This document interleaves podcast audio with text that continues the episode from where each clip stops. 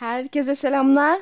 The Wolfpack kanalıma hoş geldiniz. Konuya girmeden önce Sena Doğan, Ferhan Evgin, Veysi Genç, Umut Can Dikenyol, Hakan Öksüz, Taha, Muhammed Öztürk, Abdullah Er Yılmaz, İlhan Karayel, Apo Bulut, Kadir Işık, Mehmet Emin Düştü ve Banu Akgün'e bana destek olduğu için teşekkür ederim.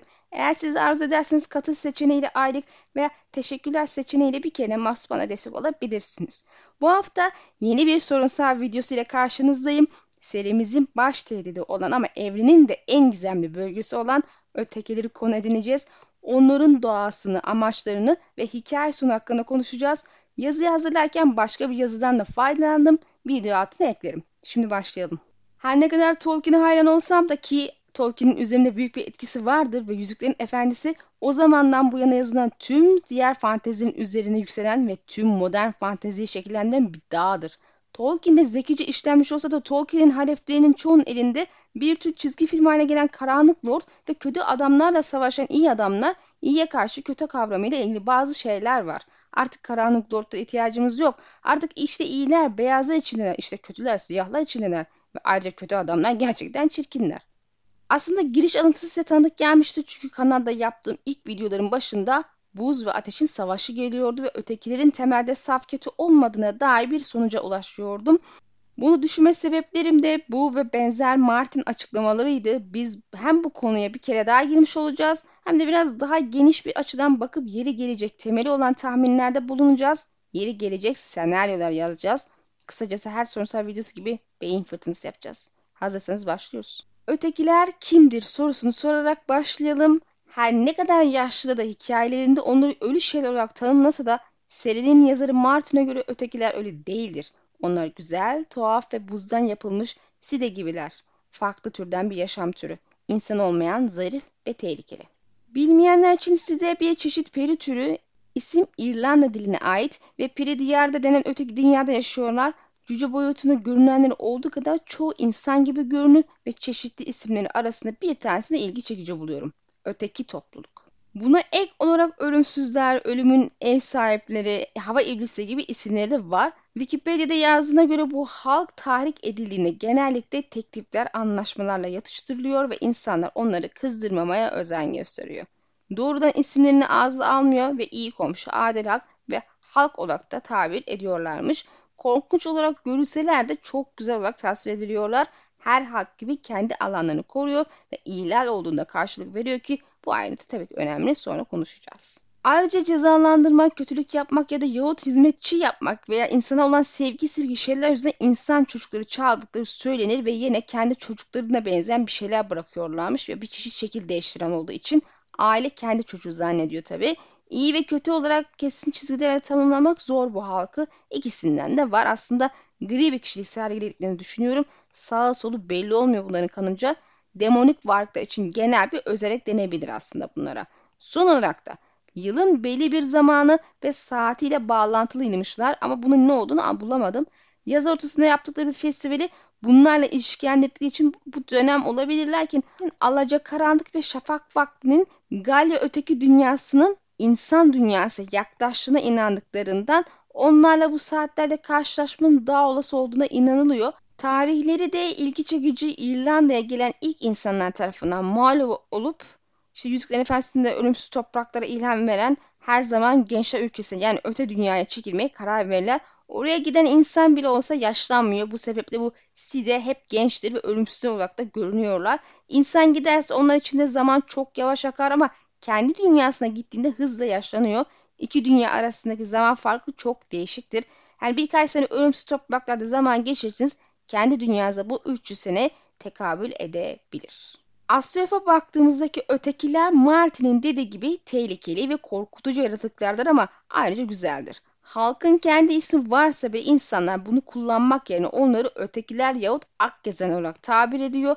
Craster'a baktığımızda bir çeşit çocuk alıkoyma var. Gerçi hayvan da veriyordu o. Bir anlaşma yaparak ona dokunma karşılığında bebeklerini veriyordu. Craster da onlarla anlaşma yapmanın daha akılcı olduğunu görüşünleri zaten ve bir çeşit ilah gözüyle bakıyordu. Gili de ilah gözüyle bakıyordu onlara. Ötekiler ölüm ve kış ile ilişkilendirilen bir halk ayrıca Tormund tarafından sis olarak da tabir edilmişti. Bunu bir çeşit hava olarak kabul edebiliriz tabi. Kendi dilleri var. Buz büyüsü kullanarak çeşitli aletler de yapabiliyorlar. Silah ve zırh muhtemelen bunlardan yapılır. Lakin Martin eski söyleşilerinden birinde eğer varsa kültürlerini bilmediğini ifade etmişti. Açıkçası bununla neyi kastettiğini pek anlamadım. Çünkü kılık kıyafet ve dilleri var. Alet yapabiliyorlar ve bariz ki bunlar bir topluluk ve bir yerde yaşıyorlar. Yani illaki belli bir seviyede kültürleri var ve bir yazar olarak kendi oluşturduğu bir toplumun kültürü olup olmadığını nasıl bilmez onu anlayamadım pek. Muhtemelen o dönemler daha geçmiştir vesaire e, benzeri konularda e, net kararları olmadığını ifade etmek istedi diye düşünüyorum. Artık adam akıllı yazın umut ederim inşallah. Ötekiler aynı Side gibi insanlarla yaptıkları savaşı kaybedince kendi anı topraklarına sürüldü ve bir daha görünmedi en azından birkaç bin yıl boyunca. Tabi savaş nedeni temelde belirsiz tamamen iyi mi yoksa tamamen kötü mü aslında net bilmiyoruz bu insanları yani, yani bu yaratıkları. Ama Melisande gibi karakteri onları saf kötü olarak anlatıyor. Yabancı bir okuyucunun insan olmadıkları için Martin'in gri karakter sevdasının onlar için geçerli olmayacağını düşünün okudum. Belki haklıdır ama ortaya karışık bir mizaç, side gibi demonik varlığın özelliğidir. Bu sebeple ötekilerden de benzer şeyler beklerim. Fakat ne fark eder ki her şekilde ötekiler tüm insanları ve yaşamı yok etmek için geliyor. Haklı bile olsalar şu aşamada bizim için düşmanlar. Martin insanlardan nefret ettiklerini söylemişti zaten.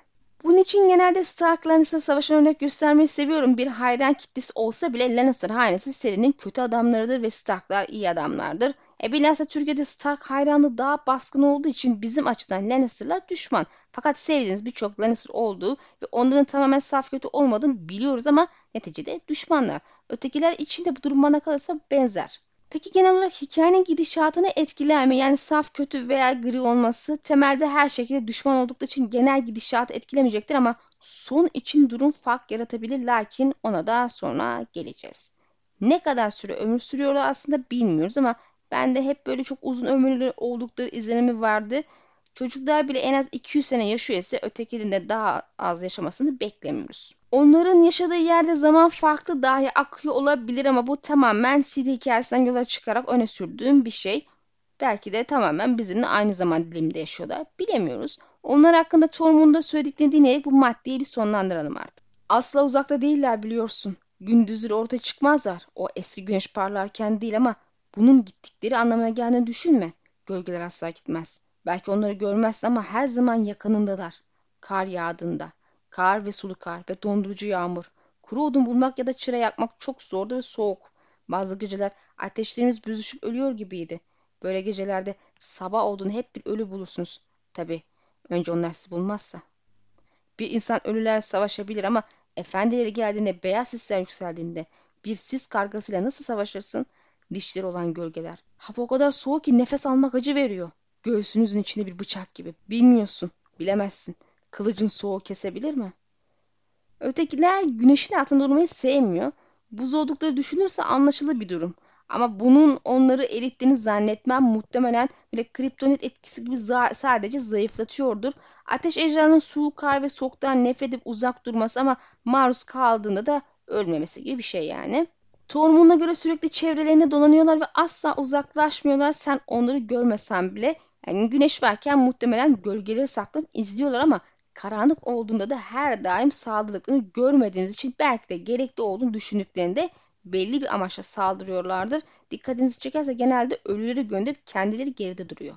Şu ana kadar onların başında olup da saldırı düzenledi sadece iki vaka var bizim bildiğimiz. İlk kitabın açılışına gördüğümüz saldırı ve daha sonra da ilk insanların yumruğundayken yapılan saldırı ki ikisinde de ortak nokta şu gece nöbetçilerine saldırdılar. Ama ötekiler kimi arıyordu isimli videomu hatırlıyorsanız yüksek ihtimal gece nöbeti içinde özel birini arıyorlar ve bu kişi Jon Snow. E zaten ondan başka da kayda değer biri yok orada. Yani sadece onun için bizzat gelme ihtiyacı hissettiler ki bu da ya Jon'u öldürmek istedikleri için ya da aralarına katmak istedikleri için hangisi kesin olur şu aşamada bilmek tabii ki de zor. Bir diğer önemli ayrıntı ise Tormund onlarla birebir karşılaşmamış. Yani az önce bahsettiğim gibi çok ender birebir geliyorlar. Bunun dışında sis olarak onları takip etmişler. Bu ilk aşama bizde sise dönüşebildiklerini düşündürüyor ama yani bir çeşit şekil değiştirme durumu ama ben çok da emin değilim. Belki dönüşürlerdir kesin tamamen yok diye saymıyorum ama buz büyüsü kullandıkları düşünülürse buz ve karı kullanarak böyle sis oluşturup bunu silah gibi kullanabiliyorlar diye düşünüyorum.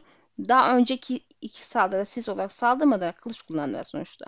Bir de son ayrıntı olarak bizim gördüğümüz White adını verdiğimiz ama benim için içi boş ceset dediğim bedenleri kontrol edebiliyorlar yahut edebilen bir kişi var ki yüksekte ihtimal onların lideri gecenin kraliçesi hikayesinden ve buzun yin yangında dişil enerjiyi temsil etmesinden yola çıkarak bir kraliçe görebiliriz. Zaten Melisandre de onların sadece nekromansiyle diriltildiğini ama neticede sadece ölü bedenler olduğunu ifade etti.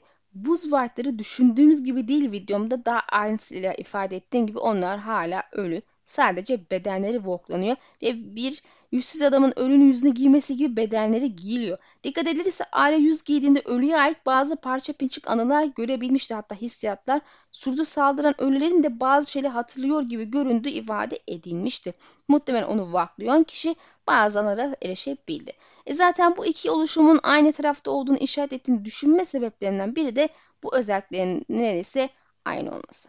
Diğer yandan kesin olmamakla beraber seride gördüğümüz gerçek tek buz vaati olan soğuk elin ötekiler tarafından yaratılmış olması da muhtemeldir. Bu sebeple ateş vaati gibi onların da buz vaati yaratma becerisi oldukları düşünebilir ama eğer bu doğruysa pek tercih etmedikleri bir yöntem belli ki. Çünkü sadece tek bir tane buz vaatimiz var. Özellikle vaatlerin kendi iradeli olduğu göz önünde tutulursa. Neden tercih etmedikleri anlaşılabilir. Ötekilerin kısa tarihine bakalım ve üstünde birazcık düşünelim. Onlar hakkında bilgi veren kaynaklar Westeros'a binlerce yıldır kulaktan kulağa aktarılarak gelen sözlü gelenekten ibaret arkadaşlar. İlk insanlar runik harfler kullanarak duvara taşa yazdığı için belki bir şeyler vardır ama bu konuda araştırma yapan olmadığı için bu bilgiler tabii ki şu aşamada kayıp. Gece nöbetinin arşivlerinde de tek tük bilgiler mevcut. Bunlar da muhtemelen sözlü geleneğin kayıtlara yansıması şeklinde olmalı. Çünkü sen bunları okuyabildiğine göre şimdiki Andal dili ve alfabesiyle yazılmış. Buna ek olarak aşağıda kayda alınan efsaneler ve kehanet de var. Sözlü geleneğin doğası üzerine aktarılan bilgiler şüphesiz ki güvenilir olmaktan uzakta ama bu bize fikir vermiyor demek değil. Gene hatlarıyla ötekiler uzun gecenin gelişiyle ortaya çıkıyor. Bunun öncesinde bir temas varsa bile şu an bilinmiyor. Yapılan savaşlarda insanların toprak kaybettiklerini görüyoruz. Ölüleri dirilttikleri o dönemden de aktarılıyor. Esos efsanelerinde gecenin aslında uzun geceyi cezalandırmak için getiriyor ve yaratıklarını salıyor. Bu yaratıklar ötekiler mi kesin bilgi verilmiyor ama Melisande ve Stannis'in kadim düşman olarak onları tabir etmesinden muhtemelen aynı yaratıklar olduğunu söylemek mümkün. Yani Westeros'tan Essos'a kadar uzanmayı bir şekilde başarmışlar bence. Dar denizi nasıl geçtiklerini bilmiyorum. Çok soğuk olduğu için denizin bir bölgesi doğmuş ve bu da onlara köprü olmuş olabilir. Hani doğun kolu gibi ama bana soracak olursanız titreyen deniz tarafından bu donma olayı gerçekleşebilir. Güney tarafında o kadar soğuk olduğunu zannetmiyorum o dönemde bile. Zira soru cevap videosundan hatırlıyorsanız Martin Essos'un Westeros kadar etkilenmediğini söylemişti ama illaki bir etkisi var.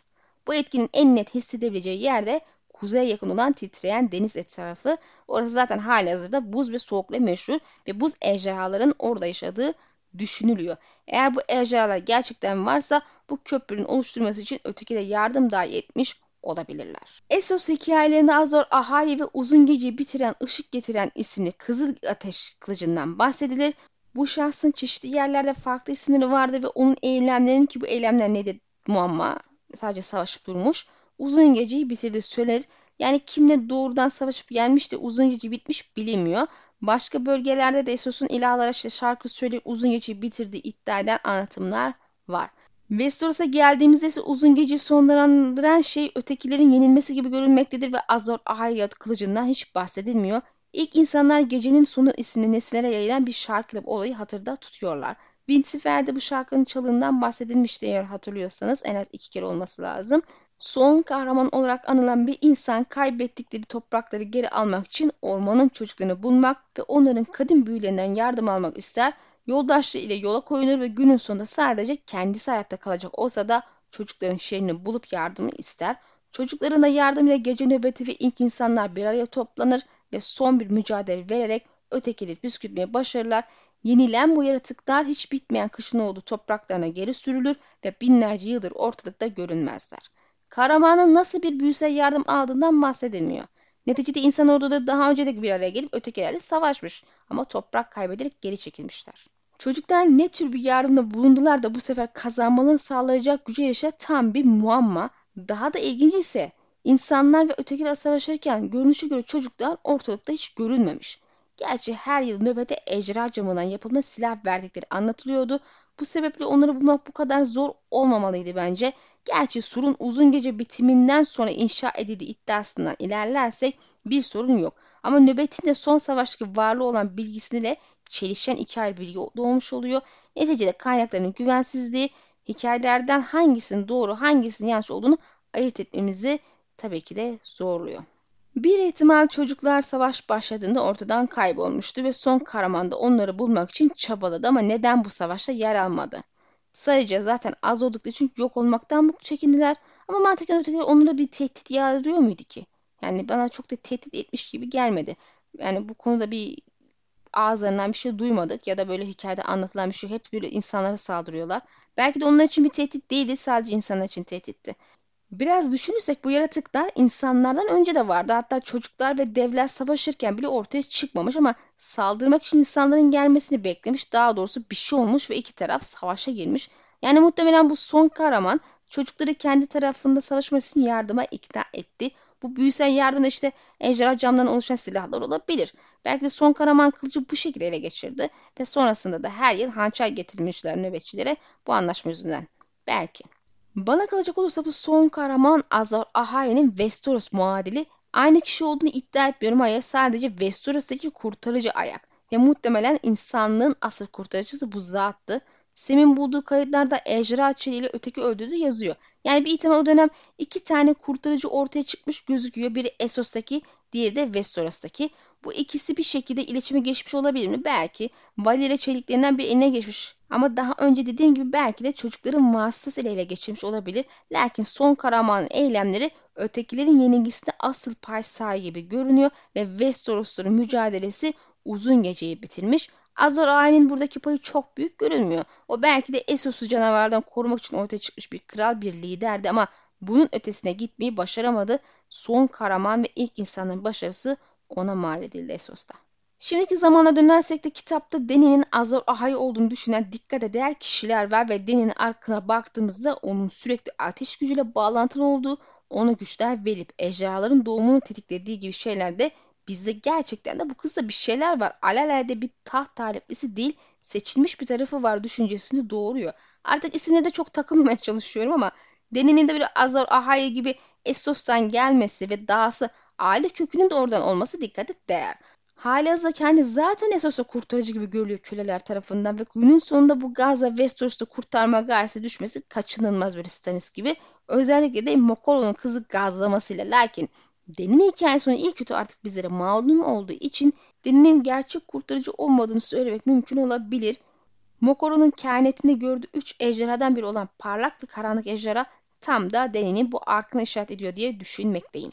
Diğer yandan Westeros'a gittiğimizde burada doğmuş büyümüş bir başka kurtarıcı lider arka olan karakterimiz var Jon Snow. Şu ana kadar üvey kardeşleri kuzenleri ile ortak paylaştığı Vok yeteneği, ilk insan gece nöbeti kültürü ve yüksek ihtimal çocukların saygı duyduğu ve bir çeşit lider kabul ettiği Blood Dragon'ın kanatları altında olması gibi noktalar dikkat çekici. Ayrıca sahip olduğu liderlik yeteneği ile insanları çevresinde toplayıp birleştiriyor dahası ikna kabiliyeti pazarlık yeteneğiyle öne çıkıyor.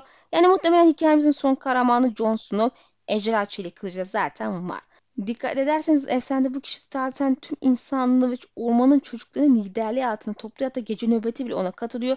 Jon zaten hali hazırda onların lideri. E şimdiden yabanlıları emri altına alıp liderliğinde birleştirme adımları attı. E sonrasında kuzeyin başına geçerek tüm kuzey halklarını emri altına birleştirebileceğini öngörmek kolay. Tabi efsanedeki kahramandan farklı olarak gerçi onun aile köklerini de bilmiyoruz da Jon'un babası bir Targaryen ona da son ejderha diyorlardı. Son kahraman son ejderha. Bu benzerlikle tevaf olarak Mehmet'in yorumunu siz yapın artık. Peki ilk savaşa ne sebep oldu? Ötekilerin amacı neydi? Bunun için biraz daha geriye döneceğiz. Bu sefer Şafak çağına. İlk insanlar Westeros'a gelir ve topraklar için çocuklarla savaşmaya başlar. Lakin savaş iki tarafı da kan döngüsüne sokar.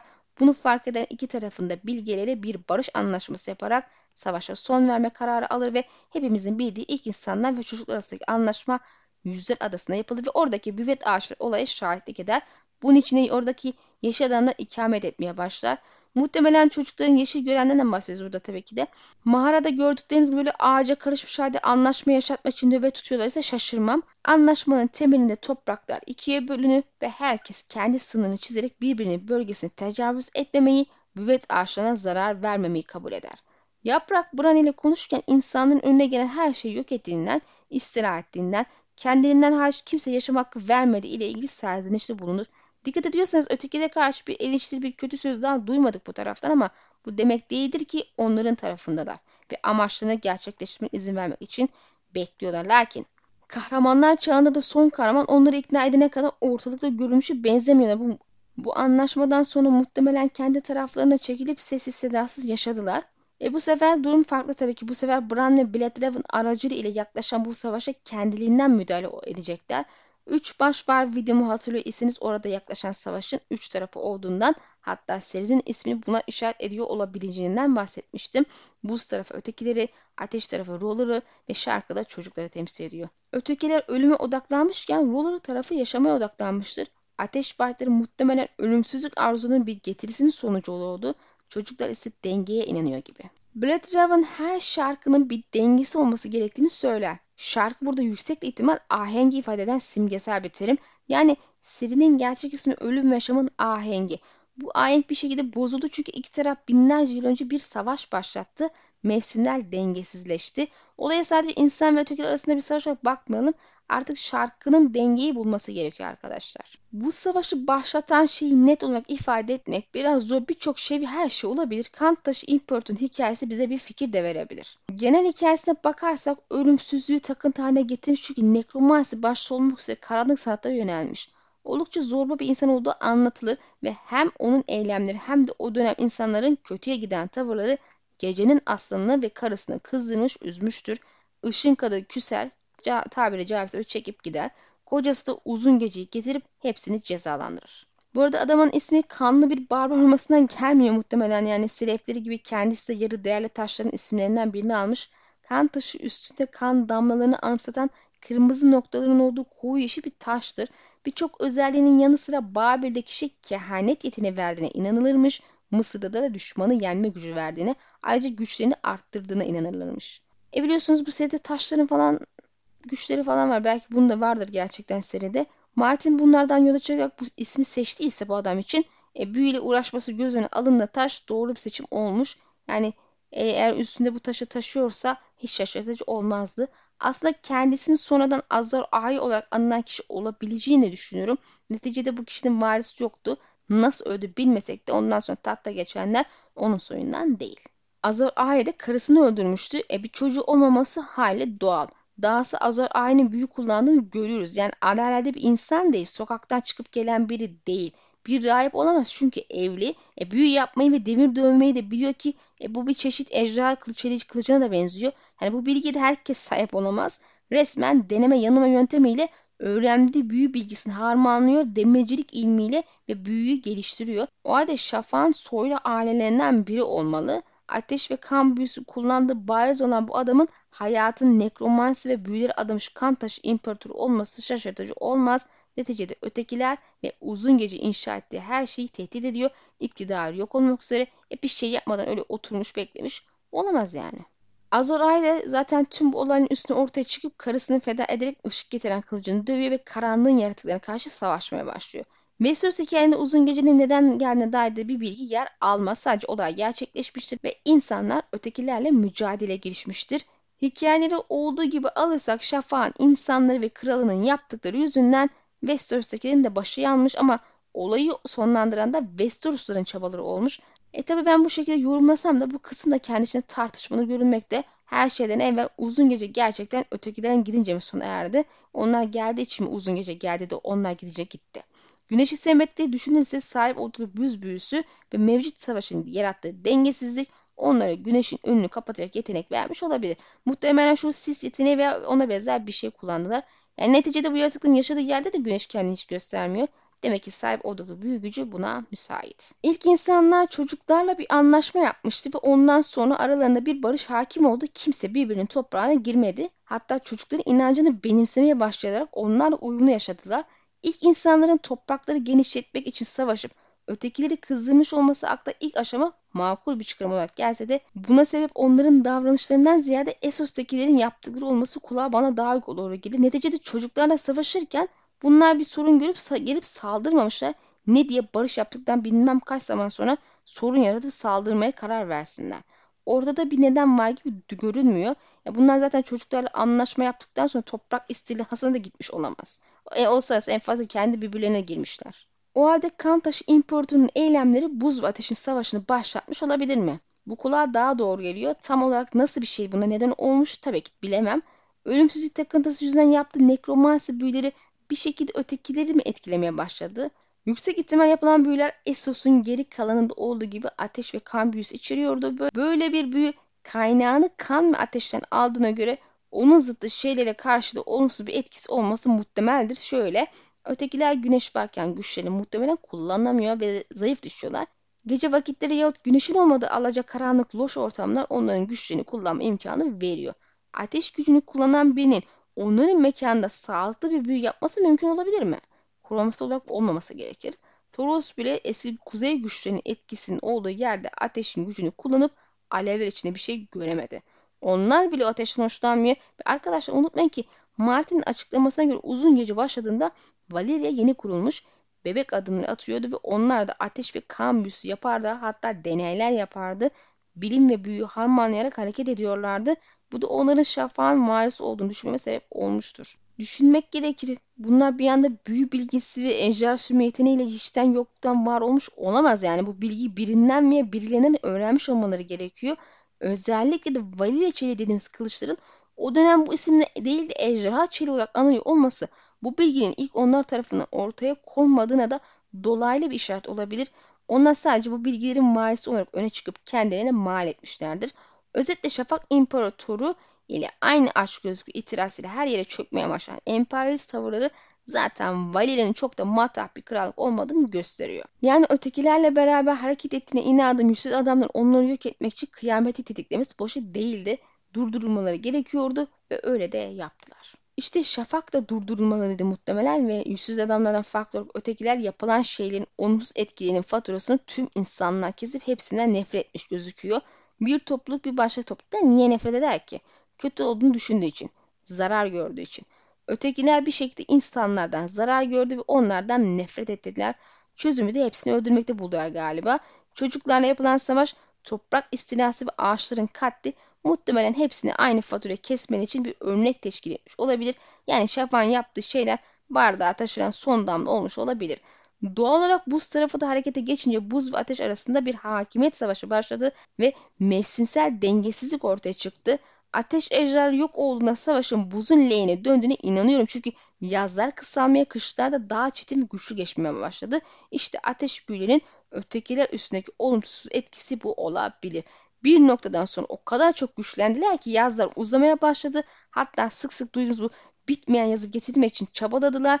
Ruler tarafı hala bunun için çabalamıyor mu zaten biliyorsunuz bunun için çabalıyorlar. Kış tamamen yok olsun istiyorlar. E böyle bir ortamda ötekinin harekete geçmesi zaten çok doğal değil mi? Hayatta kalma mücadelesine girmişler çünkü. Bitmeyen yaz yüksek ihtimal onların yaşadığı ortamın da yok olmasına ve tabi olarak da kendinin de yok olması neden olacak. Eğer durum bu ise ötekilere sonuna kadar hak veririm yani. Ama işte toptancı bir bakışla tüm insanlıktan nefret edip yok etmeye çabalamaları da zaten başlı başına bir sorun. Özetle bu iki taraf arasında bitmeyen yaz kış gelsin savaşı tüm dengeleri alt üst etti ve şimdi bir denge gerekiyor. Peki ilk uzun gece gerçekte nasıl sona erdi? Hikayelere bakarsak savaşarak ama bu ne kadar doğrudur?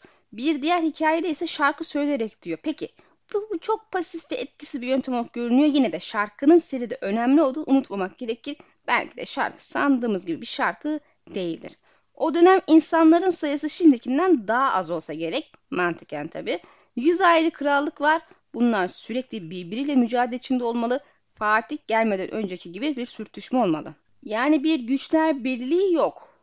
Ayrı gayrilik var. Sırf Starklar kuzeyi ele geçirmek için bile savaş verip bütün alayını ezip geçtiği bir tarihe sahipler. E bu da üç günde olacak bir şey değil. Yıllar süren bir durum. E bir de ölen insanların dirilip asker olarak kendine karşı kullanıldığını düşünülürse karşıda sonu gelmeyen ve artıp duran bir ordu var. Yani öldür öldür nereye kadar devam edeceksin? İlla ki yorulup pes edeceğin bir an gelir. Yani bir kafa kesiyorsun yeni 3 tane çıkıyor. Böyle bir psikolojide galip gelmek pek olası gelmiyor gözüme. Daha önce son kahramanın büyüsel yardım için çocuklara başvurmasının arkasındaki bu yardımın belki ejderha camları olabileceğini söyledim. Bu hala doğru olabilir. Ötekilerde kesinlikle işe yarayacak şey ejderha çeliği silahlar ve bu ejderha camından yapılan silahlar. E ikisini de taşın altına kaldırınca kolayca bulamıyorsunuz zaten.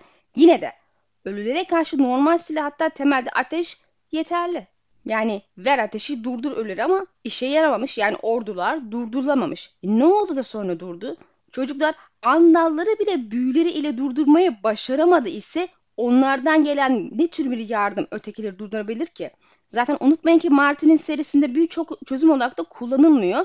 En fazla sorunun bir parçası olabiliyor ki buz ve ateş arasındaki savaşın patlak vermesinin sebeplerini konuşurken tam da olayın biraz da nedeninin bu olduğunu gördük. Yani muhtemel sebebin.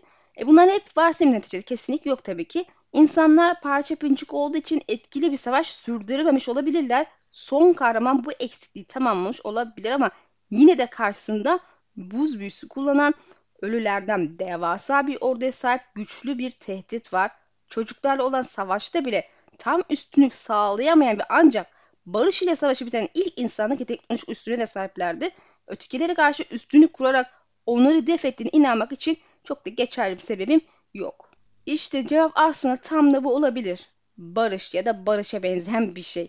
İki ırk arasında olan savaşı bitiren şey iki tarafın bilgileri, bilgelerinin bir araya gelip barışı öncülük etmesiydi. Yani savaş bitiren kılıçlar değil diplomasi oldu. Tam da Martin gibi savaş karşıtı birinden beklenecek bir hikaye. Savaşın anlamsızlığını görürler ve barış yaparak bunu sonlandırırlar teması onun hayat felsefesiyle uyumlu gözüküyor. Özellikle de savaşın ne kadar kötü olduğunu bize göstermek için yaptığı o tüm yöntemlerini düşünürsek. E orada ötekilerde olan da bu olamaz mı? Son kahraman kılıç kullanmada çok mu mahirdi? Tam bir komutan mıydı bilmiyoruz ama diplomasi yeteneği var gibi duruyor. Çünkü çünkü ortalıkta görünmeyen çocukları bulup onları yardım etmeye ikna etmeyi başarmış. E çocukların yardımı belki de buydu. İki tarafı bir araya getirip barış anlaşması imzalamışlardır. Şarkıcılar olarak da bilinen çocuklar daha önce söylediğim gibi doğadaki dengeye inanan bir halk izlenimi veriyor. Herkes ve her şey uyum içinde yaşayabilir. Yeter ki buna istekli olsun.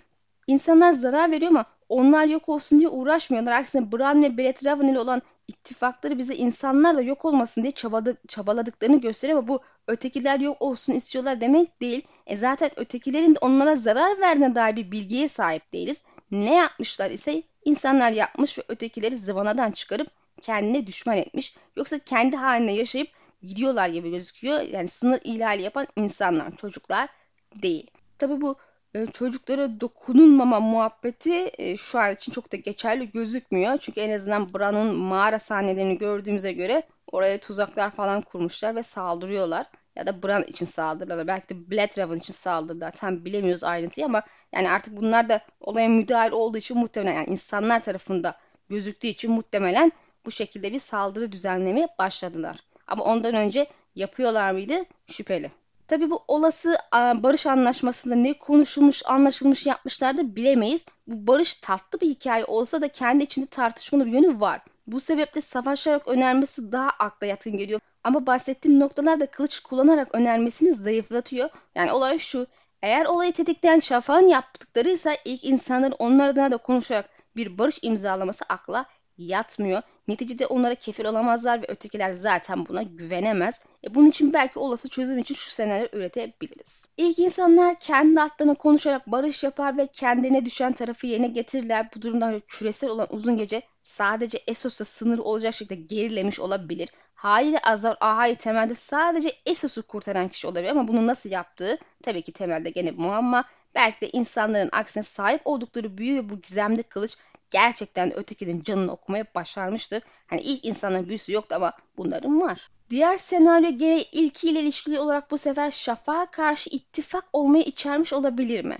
Yani onları kefil olamazlardı ama yaptıkları şeyi durdurmak için ötekilere yardım edeceklerine karşılığında da Westeros'taki uzun geceyi ve saldırı durdurmalarını talep etmiş olabilirler mi? Eğer hatırlarsınız Targaryenlerin yahut onlar gibi ejderha sürücülerinin daha evvelden Westeros'a gelmiş olabileceğinden bahsetmiştim. Kral Viserys'in torunlarına anlattığı atalarının sur ötesine ejderhalarla gittiği savaş hikayesi buna bir işaret olabilir. Dahası Targaryen öncesi ejderhaların varlığı Westeros'ta ve sonra bu ejderhaların ortayadan kaybolması, Yüksek Kulenin temeli gibi ejderha alevleriyle şekillenen siyah taşlarla inşa edilmiş kökeni bilinmeyen yapılar bunlar hepsi ejderha lordlarının Westeros'taki varlığına işaret. Neticede uzun gecede Essos'tan düşmanı kendi topraklarını yok etmek için gelen adamlar olsa gerekir. Belki ilk insanlar bile onların varlığından rahatsız olmuşlardır. Ulu kurtların ejderhaların dönüşüne işaret eden kuyruklu yıza nasıl tepki verdiğini hatırlıyorsunuz. Pek hoş karşılamadılar. Sağa sola yakarak ilerleyen kişileri kuzeyin eski güçleri bile sevmez kanımca. Özellikle yine bu işte ağaçlar yanıyorsa. E zaten yapılar inşa etmeye başlamışlarsa kalıcı olmaya gelmişler demektir ve kuzeye kadar da bu iş gider. Haliyle belki de olay öteki ve ilk insanlar birlikteliğine dönerek ejderha lordlarına karşı bir savaşa dönüşmüş ve Westeros'taki ejderhalar da bu sebeple yok olmuştur. O kadar kemik var niye öldü bunlar değil mi? Sur işin özünde bu sebeple yükselmiş olabilir mi? İddia edilen aksine insanlar tarafından değil de ötekiler tarafından yok Stark öteki ittifak ile yükselmiş olabilir mi? Bize anlatılan Sur ötekileri durdursun diye var. Pekala ölülerin hali hazırda voklanmışken Sur'u geçtiğini ve ayaklandığını okuduk. Yani Sur bu şekilde ölüleri durdurmuyor. Ordular geçebilir hale kapıdan. E zaten voklanmış kartadın da Sur'un üstüne uçabildiğini gördük. Yani voklama yeteneğini köreltmiyor en azından tamamen. E buna rağmen buz white olan soğuk el Sur'u geçemiyor. Ama ateş ejderhaları da geçemiyor. Sur'u inşa edenler neden sadece ötekileri değil, ateş tarafını da durduracak bir şekilde bu işi yapmış.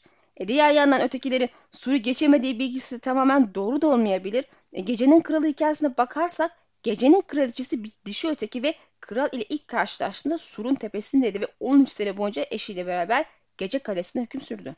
Eğer Sur'u geçemiyorlarsa bu kadın nasıl burada varlığını sürdürdü? E, hikayede anlatılan her şey birebir doğru olmasa bile kadının Sur'daki varlığını güvenebiliriz. Tabi bu kadın bir ihtimal acaba insan öteki menezi olabilir mi? Belki. Eğer durum böyle ise insan tarafı Sur için sorun teşkil etmeyebilir. Elbet bunun böyle olduğundan emin olmak için hiçbir sebebimiz yok. Fakat yine de bir ihtimal olarak şu köşede bir dursun. Genel olarak buz ve ateşin suru geçmemesinden yola çıkarsak buradaki asıl mesele buz ve ateş tarafının birbirine saldırmasını öne geçmek olabilir mi diye düşünüyorum. Barış belki de aslında zoraki şekilde sağlandı.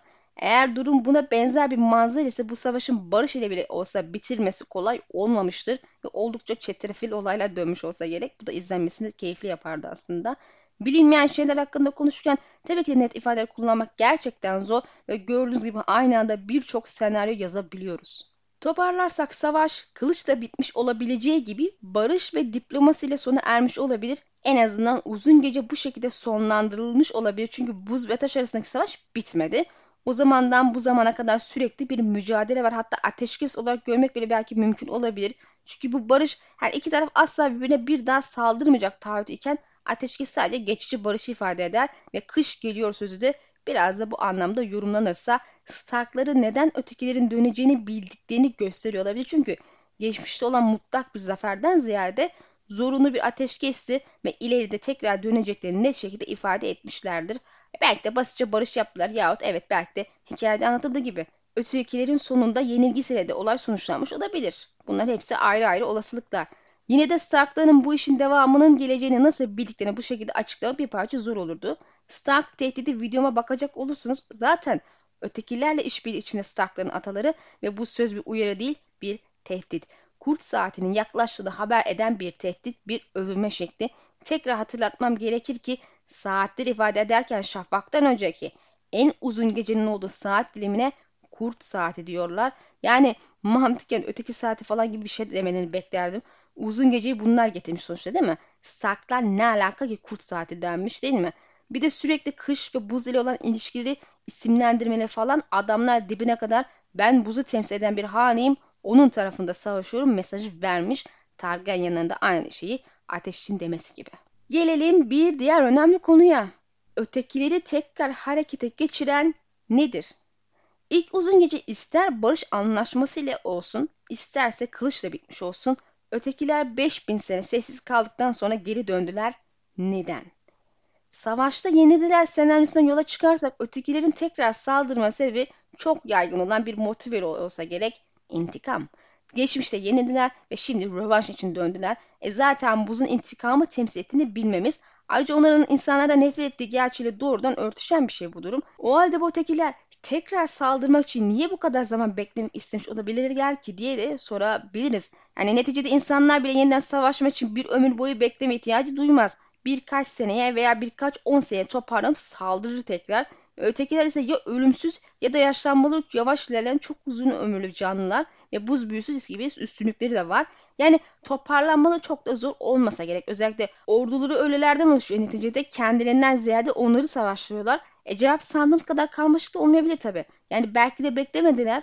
Onların topraklarına geçen birkaç sene insan topraklarını binlerce de tekabül ediyor olabilir. Hani aynı City hikayelerinde olduğu gibi yani ölümsüz topraklardaki birkaç sene insan dünyasında 300 seneye denk gelmiş hatırlıyorsanız. Elbette onların dünyasında her sene böyle 200-300 seneye denk gelmediği sürece 5000 sene sonra saldırma gene aklıma çok yatmıyor. Zira gene çok uzun süre beklemiş gibi oluyorlar. E, bu durumda belki de bekledikleri bazı özel şartlar vardır diye düşünüyorum. İlk seferinde kaybetmişlerdi. Bunun tekrar olmasını istemedikleri için en doğru zamanda beklemek istemiş olabilirler mi? Ruler tarafında kurtarıcı kenti varsa aynısı veya benzeri ötekiler tarafı içine geçerli olamaz mıydı? Özel olarak John'u arıyorlardı ise ya da başka birini özel birini arıyorlardı ise e, bu sebeple nöbeti saldırıp onu arıyorlardı ise o halde bu kişinin kim olduğunu ve ne zaman doğacağını hatta nerede bulabileceklerine dair bazı kehanetlere sahip olmaları gerekir. E, bu kişi düşman da olsa yanlarına katmak isteyecekleri bir de olsa bir şeyler var gibi gözüküyor. Haliyle zamanlama tamamen bundan ibaret de olabilir. Lakin başka bir durumda olabilir ama buna birazdan geleceğim. Barış ile savaş sona erdi önermesinde ise yeniden saldırmaları için en mantıklı çıkarım insan tarafının anlaşmayı artık ihlal etmeye başlaması olabilir. Tabi intikam noktası hala bu senaryo için de geçerliliğini korur. Anlaşmanın içini bilmediğimiz için ihlalin ne olduğunu belirlemek zor. Zira teknik olarak iki tarafı birbirine düşen ana sebebi de bilmiyoruz. Elimizde sadece fikirler var. Lakin en makul çıkarım sınır ihlali olduğunu kabul etmek gerekiyor. Ötekilerin yaşamlarını, topraklarını tehdit eden eylemlerde bulunmak en başta onları saldırmaya iten sebepti. Düşüncesinden yola çıkarsak anlaşmada buna uygun şekilde şartlara sahip olmalı. Doğanın iki gücü savaşmaya başladığında ama barış yahut ateşkes ile savaşa son verdiklerinde ileride birbirlerine üstün gelmek adına yapılacak olası bir eylemin sonucu anlaşma ihlali olarak kabul edilebilir. Zira bariz insanlar gidip de bitmeyen kış topraklarını işgal etmeye çalışmadı yani. Şu ana kadar söylediklerim acaba bu şekilde olabilir mi, şu şekilde olabilir mi şeklinde bir olasılıklar e, silsilesiydi. Sonuca bağlayalım. Bana kalırsa hepsini bir kenara koyun. Benim için e, daha olası, daha makul olan şey şu. 5000 sene önce ne oldu ise, suru oraya diken güç kimdi ise, muhtemelen buz ve ateşin birbirine girmesine engel olmaya temel amaç edindi. Yani iki tarafta birbiri için çizilen sınırı geçemedi. Böylece buz ve ateş doğrudan bir savaş veremedi. Yani sur sadece insanları ötekilerden korumak için değil, ötekileri de insanlardan korumak için yapılmışa benziyor. Özellikle ateş ejderhaları ve onu süren sürücülerden. Bunu yapmaya yanaşacak ve bu güce sahip olabilecek kişiler ise büyüleri ile geçmişte kendilerini gösteren ormanın çocuklarıdır. Eğer hatırlar iseniz geçmişte zaten iki kere çok güçlü büyüler yapmışlardı böyle doğayı etkileyecek şeyler. İlk seferinde Essos ve Vessos'u birbirine bağlayan doğum konu parçalayarak ilk insanların buraya geçişin öne geçmek için ama diğerinin sebebi de bilmiyorsak de suları yükseltip Motkel'in olduğu boğazı parçalamak için suyun gücünü kullanmaları e zamanla burası zaten bataklığa dönüştü ve kuzey ile güney arasında sınır çizgisi oldu. Bunun sebepleri ayrı tartışma konusu. Belki ikisi de ilk insanlar olan savaşla ilgiliydi veya belki ikincisi buz ve ateş savaşı ile ilgili. Bilmiyoruz ama burada önemli olan bu çocuklar böyle büyük şeyler yapabilecek büyük güçlerine sahipler. Yani ya kolu yıkmış geçemesinler diye ya da yine aynı sebeple bu sefer bataklığı oluşturmuşlar. Yani sürekli bir sınır çekme eğilimi var gibi gözüküyor zaten. E, Sur'da bu eylemin farklı bir yöntemi olabilir. Bunlar şarkıcı. Şarkı söylerler. Şarkı söyleyerek büyü yapıyorlar muhtemelen. Çünkü şarkı ahenklik doğanın bir parçasıdır. Aslında Martin şarkı meselesini muhtemelen orta dünyadan isimlenmiştir. Orada da şarkının belli bir büyüsel gücü vardır bir araç olarak kullanıp dünyaları vesaire inşa edebiliyorsunuz. Şarkıda ahenk olduğu zaman yaratılan şeyler de güzeldi ama Morgoth gibi bir ahengi bozduğunda işler sarpa sarıyordu. Bu sebeple uzun geceyi şarkı söyleyenler sonlandırdı hikayesi artık o kadar da saçma ve pasif bir eğlence gelmiyordur kulağa diye düşünüyorum. O kişiler muhtemelen büyü yapmışlardı aynı çocuklar gibi. Tabi onların şarkısı her şeyi sonlandırdı. Diğerlerinin eylemi hiçbir şey yaramadı demeye getirmiyorum ama belli mi olur şarkıcılarla beraber hareket etmiş olamazlar mı? Daha önce bahsettiğim zorunlu barış ateşkes bu şekilde doğmuş olamaz mı? Son kahramanın yardım isteği çocukları böyle bir şey yapmaya itemez mi? Bence gayet olası. Yine büyülerini kullanarak toprak ve taşı harekete geçirip suları yükselttikleri gibi bunları da yükseltip sur inşası tamamlanabilir. E zaten hava soğuk, kış kar vesaire derken zamanında buz kaya toprak seti buz tutuyor. E zaten muhtemelen bu bölgenin seçiminde dağlık yüksek tepelerin var olması etkili oldu. Gri Gözcü Kulesi tarafının yükseklik çok daha uzun. Bu da buradaki dağ tepe temeli yüzünden yani dağların nasıl oluşunu zaten biliyorsunuz. Bunları harekete geçirip yükselten bir şey yapmışa benziyorlar. Mimar Brandon sadece devleri kullanarak bu sürü bu kadar yükseklikte inşa edeceğine inanmak çok da makul gelmiyor. Yani Çin Seddi bile şimdiki haline yüzyıllar içerisinde geldi. Yani resmi bitiş tarihi 17. yüzyıldı yahu. Bir nesilden daha fazla süren, yüzyıllar süren bir inşa sürecinden bahsediyoruz ki yani en yüksek noktası 4 metreye yakın ama sur en az 200 küsür metre ve gri gözcü bölgesinde bahsettiğim sebepten dolayı da 270'lere kadar çıkıyor. E şimdi buranın inşası sizce de böyle birkaç senede devlerin buz kütlesi taşımasıyla mı oluşmuştur? Böyle dağları taşları böyle yontarak mı olmuştur? Kulağa çok saçma geliyor değil mi böyle? Zaten surun inşasında çocukların yardımı alındı bilinen bir şey ama taş ve buz taşımaktan ibaret yıllara yayılan bir inşa olmayacağı aşikar. Yaptıkları büyü bu suru yükseltti bence. Çocukların mağarasındaki koruma büyüsü surdaki koruma büyüsüne çok benziyor. Zaten e, hemen hemen de aynı olduğunu düşünebiliriz. E, bu Brandon belki de hikayede çocuklardan yardım isteyen son kahraman biri olabilir. Çocukların yardım tam olarak böyle olmuştur ve savaşta bu şekilde bitmiş. Starklar da nöbeti kurup sura dikerek beklemeni emretmiştir. Çünkü ötekilerin sonsuza kadar sessiz kalmayacağını, eninde sonunda bir yolunu bulup geleceklerini biliyordu. Belki de doğru zamanda dönmelerini amaçlıyordu ve artık Starkları ötekilerin neresine koyacağınız göre değişir. Nöbetin kendi işine bakan, krallıkların hiçbir işine burnuna sokmayan bir oluşum olduğunu unutmayın. Yani ne güneyde olan bitene ne de surun ötesinde kuzeyde olan bitene karışma yetkileri yok. Sadece surda bekleyecekler, orada takılacaklar. Ötekileri ve belki de güneyden de gelebilecek ejderhalar lotlarını karşı koruyacaklar. Belli mi olur? Sanıldığı gibi sadece ötekilere karşı değil bunlara karşı da olabilir olay. Bu da bize olası bir gerçekliğe götürüyor. Savaş hiç bitmedi. Barış hiçbir zaman sağlanmadı. Ötekilerin ortalıkta olmaması onlar açısından zorunlu bir inzivadan kaynaklı olabilir. E malum sur dikil ve geçemediler. E neticede ölüleri oradan uçarak geçiremezsin öyle bir orduyu. Yine de bu sessizce bekledikleri anlamına gelmiyor arkadaşlar. Gecenin kralı hikayesine bakarsak bazı gelişmeler zaten olmuş. Dişi öteki neden Lord Kumandan'ı seçti? Neden herhangi bir kuzeyli krala gitmedi? Sura girmesi zaten ayrı bir gizem ama bu kısmı görmezden gelirsek neden o? Nöbeti içeriden mi ele geçirmek istediler? Suru yıkma etkisi hale getirme girişimlerinden biri miydi bu? Bu gecenin çifti ötekileri kurban da vermiş. Ne vermiş bilmiyoruz. Niye vermiş onu da bilmiyoruz. Ne işe yarıyor onu da bilmiyoruz. Ama bu kurban girişimine çok kızmış Kuzeyliler. Nasıl bir rezil bir şey kabul etmişler ki adını bile silmişler adamın. Oysa gariptir ama Kuzeyliler zaten insan kurban eden bir topluluk. Bebek kurbanı verdiler de bunu mu kabul edilmez o buldular bilmiyorum. Diğer yandan yüzsüz adamların ötekilerle olası ilişkisine dair kuramları doğru kabul eder isek Valeria'yı ve ejderhaları yok etmeleri onların savaştan hiç vazgeçmediğini farklı şekillerde sürdürdüğüne dair bir işaret olabilir. İlk yüzsüz bir şekilde büyük öteki tarafından yönlendirilir ve ona büyüleri öğretir. Zamanla tarikat büyür, genişler ve güçlenir. Sonra yeteri kadar güçlü olduklarına da çocukları daha önce 2-3 kere yaptığına benzer bir büyüyle volkanik dağları harekete geçirirler ve bum Valeria ve Gerard ölür. Tabi burada Targaryen'leri hesap edemediler. Onları kurtaran da muhtemelen Roller oldu çünkü hayatta kalması ezzem görülen tek aile bunlar gibi özel bir aileye benziyor. Çünkü binlerce yıl boyunca boruyla hükmedilen ejderhalara nedeni bilinmeyen bir sebeple borusuz hükmetmeye başlamışlar. Düşünün diğer ejderha hanelerin yapamadığı bir şey başarmışlar. Nasıl? Tam bir muamma. Hisar'ın ve bazı hanelerin Güneyli itirazı komplosunun başına çektiği kuramlarını da doğru kabul edersek, yüzsüz adamlar kalan Targaryen'in sonu getirme adına ya ejderhaların sonu getirmek adına işe müdahil olmuş olabilir mi gizlice? Samurol yangından onları sorumlu olabileceğini söylemiştim ve o gün orada olan 7 ejderha yumurtası ne oldu diye de sormuştum. Kim aldı? Olayı sebep olan yumurtaları da alıp götürdü diye tahminde bulunuyordum. Dans Targaryen'in saçmalık yüzünden vuku buldu ve bu da ejderhaların ölmesine sebep oldu.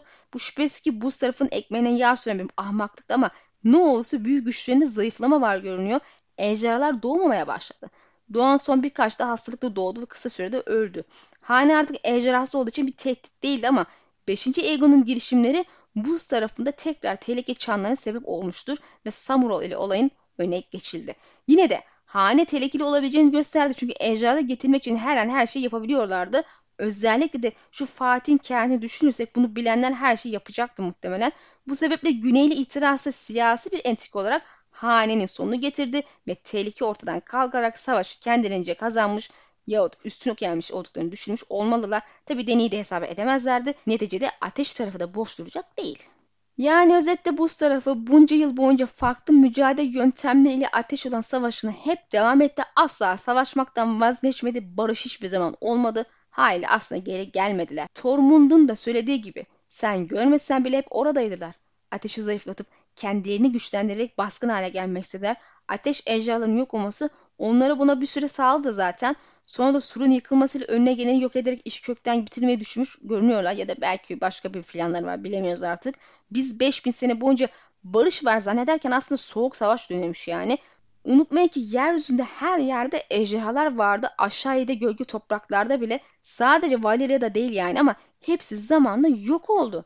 Nasıl ve neden? Genelde Westeros'taki işte Targaryen ejderhaları işte Hisar'daki üstadlar zehirledi bilmem ne falan filan diyorlar da ya kardeşim bu adamlar bütün dünyadaki ejderhaları mı zehirledi yani? Ne oldu da yok oldu bunlar? Ne olduysa ne yapıldıysa bu ötekiler ve onun işbirliği yaptığı yüzsüz adamlarla ilgili bence. Tabi başka işbirlikçiliği de varsa bilemiyoruz. Sonuç olarak neden ve nasıl öldüler bilgimiz yok. Kalan Valeri ejderhaları da kıyamette öldü ve sona kalan Targaryen ejderha da kendi salaklıkları ve gizemli bir büyüsel etkin azalması yüzünden yok oldu. Yani mis gibi ateşin canını okumuş bu tarafı. Burada bir de ek parantez açmak istiyorum. Aslında insanlardan nefret ettikleri ve onları öldürmek istedikleri temelde doğru olsa da bunca yıl neden yabanlıları yok etmeler onu merak ediyorum ben. Arzu etmeleri halinde ilk aşama onları öldürebilirlerdi ama yapmamayı seçtikleri gibi Craster gibilerle de anlaşma yoluna gitmişler. Belki de ötekiler sandığınız gibi tüm insan yaşamını yok etmek gelmiyordur. Yahut daha göremediğimiz büyük bir zayıflıklık var o yüzden doğrudan saldıramadılar. Bilemeyeceğim artık. Peki hikaye nasıl bitecek? Ötekilerin kinle saldırıp insanlığı yok etme arzusu, buz ve ateş arasındaki bu savaş bunlar nasıl sona erecek? Muhtemelen ilk uzun gecenin anlaşmayla bitmediğini ve bunca yıl savaşın hep devam ettiğini kabul edersek tekrar barış olacak, tekrar anlaşma yapacak demek mümkün değil çünkü ilk sefer hiç olmadı. Yine de bu asla olmayacak demek değil. Tabii kesin olmak gene mümkün değil. Fatih kuzeyden gelen bu tehdidi gördü ve mevcut Westeros'un bu parçalanmış hali onlara karşı durması mümkün olmadığını fark ederek krallıkları birleştirdi. Muhtemelen hepimiz gibi onun da kafasındaki kılıç ve ateşle mücadele verip onları tamamen yok etmek vardı. Buz ve Ateş'in şarkısı adını verdiği bu kehanet rüyasının yorumuna göre tahtta bir Targaryen oturmak zorunda ve bu şarkıda yani kurtarıcı onun soyundan gelecek. Dikkat ederseniz yorum diyorum çünkü kehanetin ne olduğunu hiç görmedik. Belki yeni kitaplarda öğrenmek mümkün olabilir. Bir Targaryen'in oturması o doğrudan şarkının kendisine gönderme mi yoksa herhangi bir güçlü kral kraliçenin oturması gerektiğini mi onu da bilmiyoruz. Lakin bana soracak olursanız muhtemelen zamanı geldiğinde şarkının liderliğinde toplanılması kastetmiş olmalı onun ejderha kanı taşıdığını, kendi soyundan olduğunu fark edince de böyle bir yorum yapıp krallığı birleştirdi.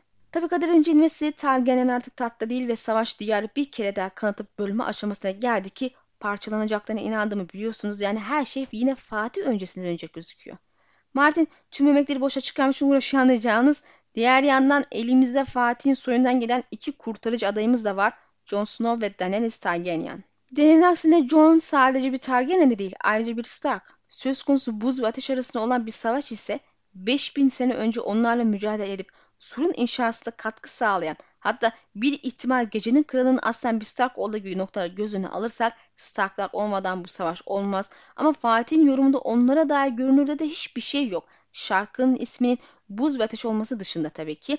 Nasıl ki ateş Targen hanesi simgeliyorsa buzda Stark'ta simgeliyor. Yani basit bir düz mantıklı harekete geçtiğimizde bu şarkının John olduğu yorumunu yapıyoruz. Zira şarkıdan kastın ahenk olduğunu unutmazsak buz ve ateşin ahenginden bahsediyor Fatih. İki taraf arasında uyum sağlayabilecek kişi kim olabilir? Bu iki aday arasında en iyi bunu oturan elbette John. Olaya sadece anne baba olarak da bakmayın. Kendisi şu an öldü ve sonraki kitapta dirilecek. Buzun ölüm, ateşin yaşam olduğunu düşünürsek de John ayrıca ölüm ve yaşamı tatmış. İkisi arasında duran bir kişi olarak da öne çıkıyor gene. Onun Westeros'un en sıcak bölgesi olan Dorne'da doğup en soğuk bölgesi kuzeyde büyümesi de işin ayrı ironisi ve hoş bir gönderme diye düşünüyorum yazarın. Son kitapta gördüğü rüyasında buzdan bir zırh giyip elinde de alevli bir kılıç tutması onun buz ve ateşin çocuğu şarkısı olduğuna gönderme olamaz mı? Üstad Eamon ne diyordu? Buz muhafaza eder, ateş ise tüketir.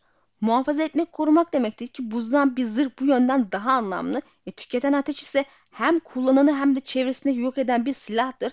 Ejderha tam da bu yönden harika bir mecaz. Hem insanları yok etti hem de kendisini süren insanların sonu oldu ama aynı zamanda güç de oldu. Fatih, Fatih gibi krallıkları ele geçirmesine sağladı. Yani Jon'un elinde düşmanı yok edecek güçlü bir silah olacak ama o güç kendisini de başkalarını da tüketebilir dikkat etmesi gerekecek. Şu ana kadar Jon'un savaşçı olduğunu gördük. İyi bir tane şüphesiz ama en iyilerinden biri mi? Öyle olmasını istesem de şimdilik bu yorum yapamam ama hakkını veririm. Kendini geliştirmek için sürekli talim yapıyor. E diğer yandan savaş taktikleri ve savaş liderlik etme konusunda da iyi olduğunu gördük. Yani bir komutanlık becerisi de göze çarpıyor. Genel liderlik vasfını ve insanları çevresinde birleştirmeyi becerdiğini gözlemleyebiliriz. Fakat bana soracak olursanız John ilk povdan itibaren başka bir konuda ayrıca öne çıkartılıyor. Manipüle ve ikna pazarlıkta. Stanis bile onun pazarlık becerisini överek iyi olduğunu ifade etmiştir. Hiçbir gelir olmayan Sura Bravos'tan borç para alabilecek kadar ağzı iyi laf yapıyor. Elçiyi nasıl ikna etmeyi becerdi hala merak ediyorum. Yani aklı başında kimse nöbete para falan vermez. Hayır yani tahtta oturan bir kral da yok ki bunlarda kullandıkları para tahsil etme yöntemleri nöbette nasıl işler hani ödeyemedikleri zaman. Yani biz sizi öldüreceğiz, taht sahipliğinizi e, destekleyeceğiz falan mı diyecek yani. Böyle bir şansı yok burada. Öyle bir şey yok. Öyle bir sistem yok. E, yabanlılı ile pazarlık yapıp suru savunmasının yanında savaşmayı ikna etmesine ne diyeceğiz?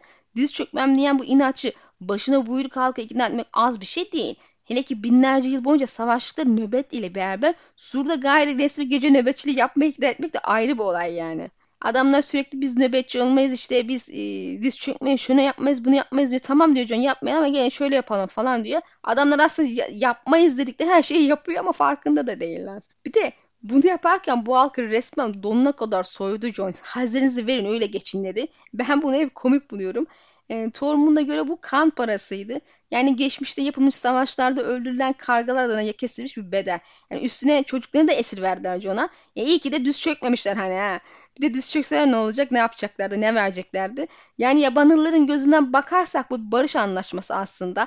Yabanıllar ya da ateşkes olarak görebilirsiniz. Yabanıllar John'un önlerine koyduğu her şartı kaybeden tarafmış gibi kabul etti ki aslında kaybettiler gerçekten ve anlaşmanın kendi düşen bir kısmını yerine getirme sözüne verdiler. E, John da kendi verdiği sözü tutacak. Yani görüyorsunuz ki binlerce yıl süren nöbet ve yabanıl savaşı John'un araya girmesiyle barışla sonlandı ve artık müttefik oldular. Yani o oğlan bu işi yapıyor zaten. Daha önceki videolarda kahramanın sonsuz yolcu için ne demiştim? Kahramanın asıl sınavıyla yüzleşmeden önce gelişmesi ve hazır olmak için küçük sınavlarla yüzleşmek zorunda.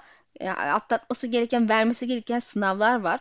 E, John'un surda tecrübe ettiği her şey sadece bir fragmandı. Filmin asıllı Kuzey Kralı olduktan sonra daha büyük ölçeklerde yaşanarak karşısına çıkacak. Fragman, Jon'un nöbetin kadim düşmanı olan yabanırlarla savaşması ve sonra onlarla anlaşıp barış yapmasıyla son buldu. Aynısını ötekiler için de görebiliriz. Yani ilk aşama bir çatışma savaş olsa gerek. Muhtemelen beklediğim şekilde olmayabilir ama dizideki gibi bir günde de olup bitecek bir şey yok ya tabii ki. Peki ötekilerin anlaşmaya meyilli bir topluluk mu? Aslında bence öyle. Craster örneği bize bunu anlatıyor olabilir. Ne demişti peki Craster? Dinler bir adamın böyle bir şeyden korkması için bir neden yoktur. Bir keresinde etrafı koklamaya geldim. Mensedir'e de aynı şeyi söylemiştim. Kılıçlarınız ve kanlı ateşlerinizi öttüğünüz gibi asla dinlemedi. Beyaz soğuk geldiğinde bunun sana hiçbir faydası olmayacak. O zaman sadece sana tanrılar yardım edecek. En iyisi tanrılarla aranı düzeltmek. Graster kendisine dokunulmaması karşılığında erkek bebeklerini ve onlar olmadığında da hayvanlarını veriyordu. Neticede kendi çıkarları için artık onları ne için kullanıyorlar ise anlaşmaya yanaştılar. Belki önce Graster bunu önerdi, belki onlar önerdi bilmiyoruz ama orada da bir anlaşma pazarlık var. Nöbet saldırıdan kaçıp Krasra sığındıklarında onun topraklarına girmedi ötekiler. Başka bir saldırı yapmadılar. Yani bu rezidentlerle konuşup anlaşmak temelde mümkün ve kendi verdikleri sözü de tutuyor. Yeter ki ikna etmesini bil. Krasra'nın sözü de ilginç aslında. Beyaz soğuk geldiğinde diyor. Yani kış geldiğinde kendini korumak için aldıkları önlemler işe yaramayacak. Sadece ötekiler onlara yardım eder ve bunun için onlarla anlaşman, aranı düzeltmen gerekiyor. E, kendine karşı yardım etmeyi mi kastediyor yoksa başka bir şey mi kastediyor onu da merak ettim aslında. Ya da kışı atlatmaları için yardım ederler size mi demeye getiriyor. Bu da aslında üstünde düşünülmesi gereken ayrı bir konu. Daha önce dediğim gibi belki de onların niyeti tüm insanları öldürmek değildir. Yine de savaş olacak. Ve binlerce hatta milyonlarca kişi günün sonunda ölebilir.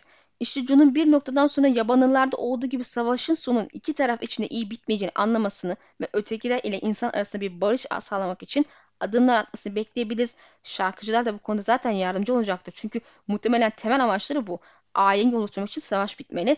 E bu sefer gerçekten bitmeli ama artık Jon'a buz tarafından bir gelin mi verirler yoksa Jon'u mu kral diye alıp götürürler falan bilemeyeceğim. Basitçe anlaşmanın garantörü olarak olduğu yerde bırakıp insanların buna uymasını sağlamasını talep etmeli tabii ki daha makul. Çocuklarla anlaşma yapıldığında yaş adamlar anlaşmayı korumak için e, yüzler adasında kalmıştı biliyorsunuz.